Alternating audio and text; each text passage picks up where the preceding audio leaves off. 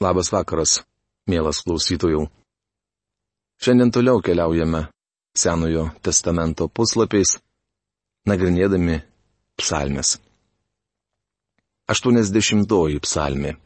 Tema - Malda Izraelio ganytojui. Šiame psalmių cikle pastebimas minties testinumas, pranašystės plėtojimas. Septuagintoje prie šios psalmės yra prierašas asiriška. Dėl to kai kurie Biblijos aiškintojai priskiria ją vėlesniam istoriniam laikotarpiui.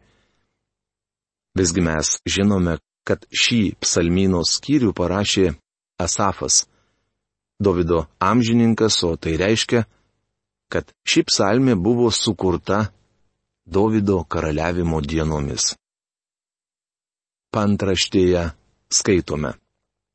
Choro vadovui. Lelyjų melodija, Asafo liudijimas, psalmė. Mes jau matėme, kad gražiausiųjų lelyjų psalmėje minimas Mesijas viešpats Jėzus Kristus. Šiame skyriuje ištikimas likutis prašo, kad Izraelio ganytojas vestų juos kaip ir anksčiau. Klausykis, Izraelio ganytojau. Tu, kuris vedėjai Juozapą lyg kaimenę, tu, kuris sėdi sostę ant kerubų, apsireikšk. 80 psalmės antra eilutė. Suprantama, kad Izraelio ganytojas yra ne kas kitas, o viešpats Jėzus Kristus. Mes jau skaitėme palyginimą apie ganytoją ir avis. Tu, kuris vedi Juozapą lik kaimenę. Čia kalbama apie Izraelio giminių kelionę dykumą paveldyti pažadėtojo krašto. Anuomet juos vedė pats Jahvi, Izraelio ganytojas. Jozuje buvo žemiškasis tautos vedlys. Tačiau šis vyras pakluso viešpaties kariuomenės galvai. Psalmininkas šaukėsi Dievo, kuris kitados susitikdavo su Izraeliu šventų švenčiausiojoje vietoje. Apsireišk Efraimo, Benjamino ir Manaso giminėms parodyk savo galybę ir ateik mūsų gelbėti. 80 psalmės trečia eilutė. Kodėl čia paminėtos Efraimo, Benjamino ir Manaso giminės? Manau, kad atsakymą galima rasti skaičių knygos antros skyriaus 17-24 eilutėse. Perskaitę minėtąją šventojo rašto ištrauką pamatysite, kad Izraelitų stovykloje šios trys giminės turėdavo įsikurti vakaruose, iš karto už sandoros skrynios. Izraeliui keliaujant dykumą, tautos priešakyje būdavo nešama sandoros skrynė. Taigi čia girdime prašymą, kad Dievas vestų Izraelį kaip kitados. O Dieve, pastatyk mus vėl ant kojų, te šviečia mums tavo veidas ir mes būsime išgelbėti. 80 psalmis ketvirta eilutė. Šis refrenas 80 psalmėje pasikartoja net tris kartus. Ketvirtoje aštuntoje ir dvidešimtoje eilutėse. Tai tarsi priegesmis. O viešpatie galybių Dieve, kiek ilgai degsi pykčiu, kai tavo tauta tave maldauja. 80 psalmės penkta eilutė. Penktoje, septintoje eilutėse girdime trumpą elegiją. Tai rauda liūdna minorinė psalmės dalis. Psalmininkui atrodo, kad Dievas pyksta ir dėl to neatsako į savo tautos maldą. Tu valgydinai juos skausmų duona, girdė juos dideliu ašarų kaušu. 80. Psalmės šešta eilutė. Kosto burbulio Biblijos vertime skaitome. Tu valgydini ją verksmo duona ir ašaromis gausiai girdai. Tai viena iš nuostabiausių eilučių Dievo žodyje. Dievas girdė savo tautą ašaromis ir valgydino verksmo duoną. Tai buvo vienintelis jų maistas. Izraelitai maitinosi skausmo ašaromis. Jokia kita tauta neiškentėjo tiek, kiek Izraelis. Ir vis dėlto jie išgyveno. Daugelis kitų tautų, patyrusios tai, ką teko patirti žydams, būtų išnykusios, nušluotos nuo žemės paviršiaus. Jau daug amžių Izraelis geria ašaras. Kodėl? Todėl, kad atmetė ganytoje. Būdamas šioje žemėje viešpats verkė Jeruzalės. Evangelijos pagal Luką 19 skyriaus 41-44 eilutėse skaitome. Prisertinės prie Jeruzalės ir išvykęs miestą Jėzus verkė jo ir sakė. O kad tu šiandien suprastum, kas tau atneša ramybę. Deja tai paslėpta nuo tavo akių. Tu sulauksi dienų, kai tavo priešai apjuos tave pylimu, apguls iš visų pusių ir suspaus tave. Jie parblokš ant žemės tave ir tavo vaikus, su tavimi ir nepaliks tavyje akmens ant akmens, nes tu nepažinai savo aplankimo metų. Šioje jaudinančioje šventojo rašto atkarpoje paaiškinta, kodėl žydams teko maitintis ašaromis. Kai Jėzus buvo vedamas į Golgotą, jį lydėjo daug moterų, kurios verkėjo ir aimanavo. Atsigręžęs į jas, Jėzus prabilo. Jeruzalės dukros. Verkite ne manęs, bet verčiau savęs ir savo vaikų. Rašoma Luko Evangelijos 23 skyriaus 28 eilutėje. Galybių Dieve, pastatyk mus vėl ant kojų. Te šviečia mums tavo veidas ir mes būsime išgelbėti. 80 psalmės aštunta eilutė. Te šviečia mums tavo veidas. Čia žinoma kalbama apie Izraelio mesiją, viešpatį Jėzų Kristų. Toliau skaitome dar vieną nuostabę eilutę. Tu perkeliai vynmedį iš Egipto ir išvaręs kitas tautas, jį pasodinai. 80 psalmės Devinta eilutė. Tėvas išlaisvino Izraelio tautą iš Egipto vergovės. Jis išvarė pagonių tautas iš Palestinos žemės ir jų vietoje pasodino savo vynmedį Izraelį. Izraelis pastatė šventyklą, kur turėjo būti garbinamas Dievas. Tuomet jiems buvo pranešta, kad šventykla bus sunaikinta, o jie patys bus išvaryti iš Dievo dovanoto krašto. Kodėl? Priežastis ta pati, dėl kurios Dievas buvo išvaręs iš ten pagonių tautas.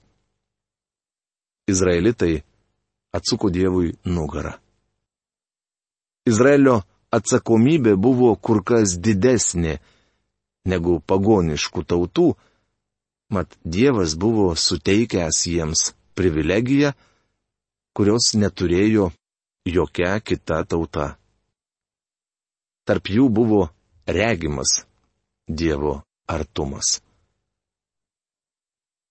Tu parengiai vietą jam aukti, įleidęs giliai šaknis jis išplito visame krašte. 80 psalmės 10 eilutė. Šioje eilutėje kalbama apie Izraelį, vynmedį, kurį Dievas perkelė iš Egipto ir pasodino pažadėtajame krašte. Savo paūksme jis uždengė kalnus, savo šakomis nustelbė galinguosius kedrus, savo šakas išskaitė iki jūros, o savo atžalas lygi upės. 80 psalmės 11-12 eilutės. Kyla klausimas. Kodėl nugrioviai vynmedžio aptvarą? Dabar kiekvienas praeivis skinasi jo vynuogių. 80 psalmės 13 eilutė. Pasodinęs savo vynmedį, Dievas daug metų saugojo jį, iš visų pusių aptvėręs aptvaru. Izraelis gyveno dovanotame krašte daugiau nei šešis šimtus metų. Visą tą laiką viešpats neleido ne vienai iš galingųjų tautų jų sunaikinti. Egiptiečiai kelis kartus buvo nugalėję izraelitus, tačiau jų nesunaikino. Ta pati galima pasakyti ir apie aramėjus bei hetitus. Tačiau vieną dieną Dievas nugriovė aptvarą ir leido priešams užpulti Izraelį. Kodėl? Todėl, kad Izraelis atmetė savo ganytoją. Suteik pagalbą savo dešinės vyrui, žmogaus sūnui kurį savo stiprų išauginai. 80 psalmės 18 eilutė. Dievo dešinėje yra galybė. Kas tas jo dešinės vyras? Izraelio mesijas. Davidas rašė, viešpats tarė mano viešpačiui, sėskis mano dešinėje, kol padėsiu tavo priešus tau po kojomis rašoma 110 psalmės pirmoje eilutėje. Šios žodžius viešpats pritaikė savo, kai jo priešai neigė jį esant Mesiją. Rašoma Mato Evangelijos 22 skyriaus 44 eilutėje. Pradžios knygos 35 skyriuje pasakojama istorija, kaip Rachelė pagimdė antrąjį savo sūnų prie kelio į Betliejų. Kaip prisimenate, motina nepavadino kūdikio Benjaminu. Jau merdėdama, Rachelė pavadino naujagimį Ben-Oniu. Išvertus tai reiškia mano skausmo sūnus. Tačiau Jokūbas, pažvelgęs į mažylio akis, kurios tikriausiai priminė Rachelę, tarė. Ne, Ben Oniujo nevadinsime. Duosim jam Benjamino vardą, nes jis mano dešinės sūnus. Benjaminas yra viešpaties Jėzaus provaizdis. Pirmą kartą mūsų viešpats buvo atėjęs į žemę kaip skausmo sūnus. Tačiau šiandien jis Dievo tėvo dešinėje. Apie jį tėvas kalbėjo, sėskis mano dešinėje, kol padėsiu tavo priešus tau po kojomis. Vieną dieną su visa ta šlove jis sugrįž į žemę. Tada mes daugiau nebesitrauksime nuo tavęs. Laikyk mus gyvus ir mes šlovinsime tavo vardą. 80 psalmės 19 eilutė. Tiksliau šią eilutę yra išvertęs profesorius Algirdas Jurienas. Tada nesitrauksime nuo tavęs, atgaivink mus ir mes šauksimės tavo vardo. Dabar trečią kartą pasigirsta priegesmis. O viešpatie, galybių Dieve, pastatyk mus vėl ant kojų. Te šviečia mums tavo veidas ir mes būsime išgelbėti. 80 psalmės 20 eilutė. Kitaip tariant, kariuomenių viešpatie Dieve atkurk mus. Leisk šviesti savo veidui, verčia profesorius Algirdas Jurienas. Tai nuostabi, nepaprasta psalmė. 81 psalmė. Tema - išgelbėjimo giesmė. Šis psalmino skyrius, kaip būdinga daugeliui psalmių, susijęs su tuo, kas buvo kalbama prieš tai. Kitaip tariant, mes skaitome vientisą istoriją. Praėjusioje psalmėje užrašyta malda nebuvo skirta krikščionims. Laikų pabaigoje Jokūbo negandos dieną, jie melsis ištikimas Izraelio likutis. Šiandien mums dėrėtų melstis Amen. Ateik viešpatė Jėzau. Kaip prašoma, apreiškimo knygos 22 skyriaus 20 eilutėje. O kol viešpats dar neatėjo, prašykime, kad jis padėtų mums skelbti jo žodį. Šiame skyriuje skaitome išgelbėjimo giesmę. Ji prasideda aukštą natą, soprano solo. Psalmės pantraštėje parašyta choro vadovui pagal Getitą Asafo.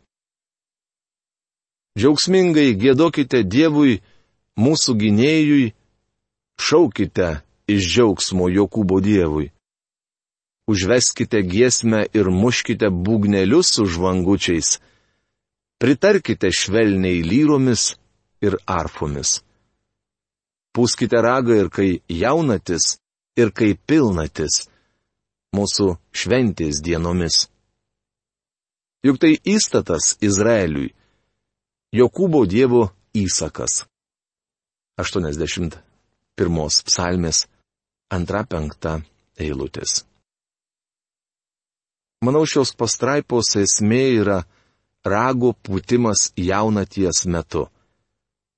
Tai išties prasminga, mat jaunatis pasirodo prieš patekant teisumo sauliai, kurios spinduliai gydo. Jie ateina išvaduoti Izraelio. Čia gražiai rašoma apie palapinių šventę. Metų pradžioje Izraelyje būdavo švenčiamos ketverios iškilmės - Pascha, Sėkminės, Pirmienų pėdo bei palapinių šventys. Regis šioje psalmėje kalbama apie palapinių šventę, dar vadinamą rago gausmo arba trimitų šventę. Juk tai įstatas Izraeliui, Jokūbo Dievo įsakas.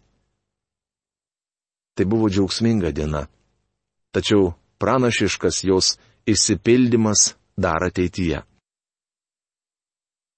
Klausykis mano tautą, įspėju tave, o Izraeli, kad tu manęs paklausytum. Neturėsi jokio kito dievo. Prieš svetimą dievą kniupšęs nepulsi. 81 psalmės 90 eilutės viešpats primena jiems praeitį. Aš viešpats, tavo Dievas, kuris išvedžiau tave iš Egipto žemės. Plačiai atverk savo burną ir aš ją pripildysiu. 81 psalmės 11 eilutė. Šis pažadas duotas Izraeliui ne mums. Tačiau skaitytoje eilutėje yra dvasinė pamoka mums. Dievas neišvedė manęs iš Egipto, tačiau išgelbėjo mane iš nuodėmės. Šio pasaulio Egipto. Dievas sako, plačiai atverk savo burną magi ir aš pripildysiu ją dvasiniu palaiminimu. Ir jis tai daro. Dievas iš tiesų geras man. Bet mano tauta nenorėjo manęs klausyti. Izraelis nenorėjo man paklusti. 81 psalmis 12 eilutė. Mano tauta nenorėjo manęs klausyti. Izraelis vis dar nusigręžęs nuo Dievo. Šiuo požiūriu jie nelabai skiriasi nuo jiems priešiškų arabų. Tiek vienų, tiek kitų santykis su Dievu labai panašus. Beje, mūsų tautos būklė neką geresnė.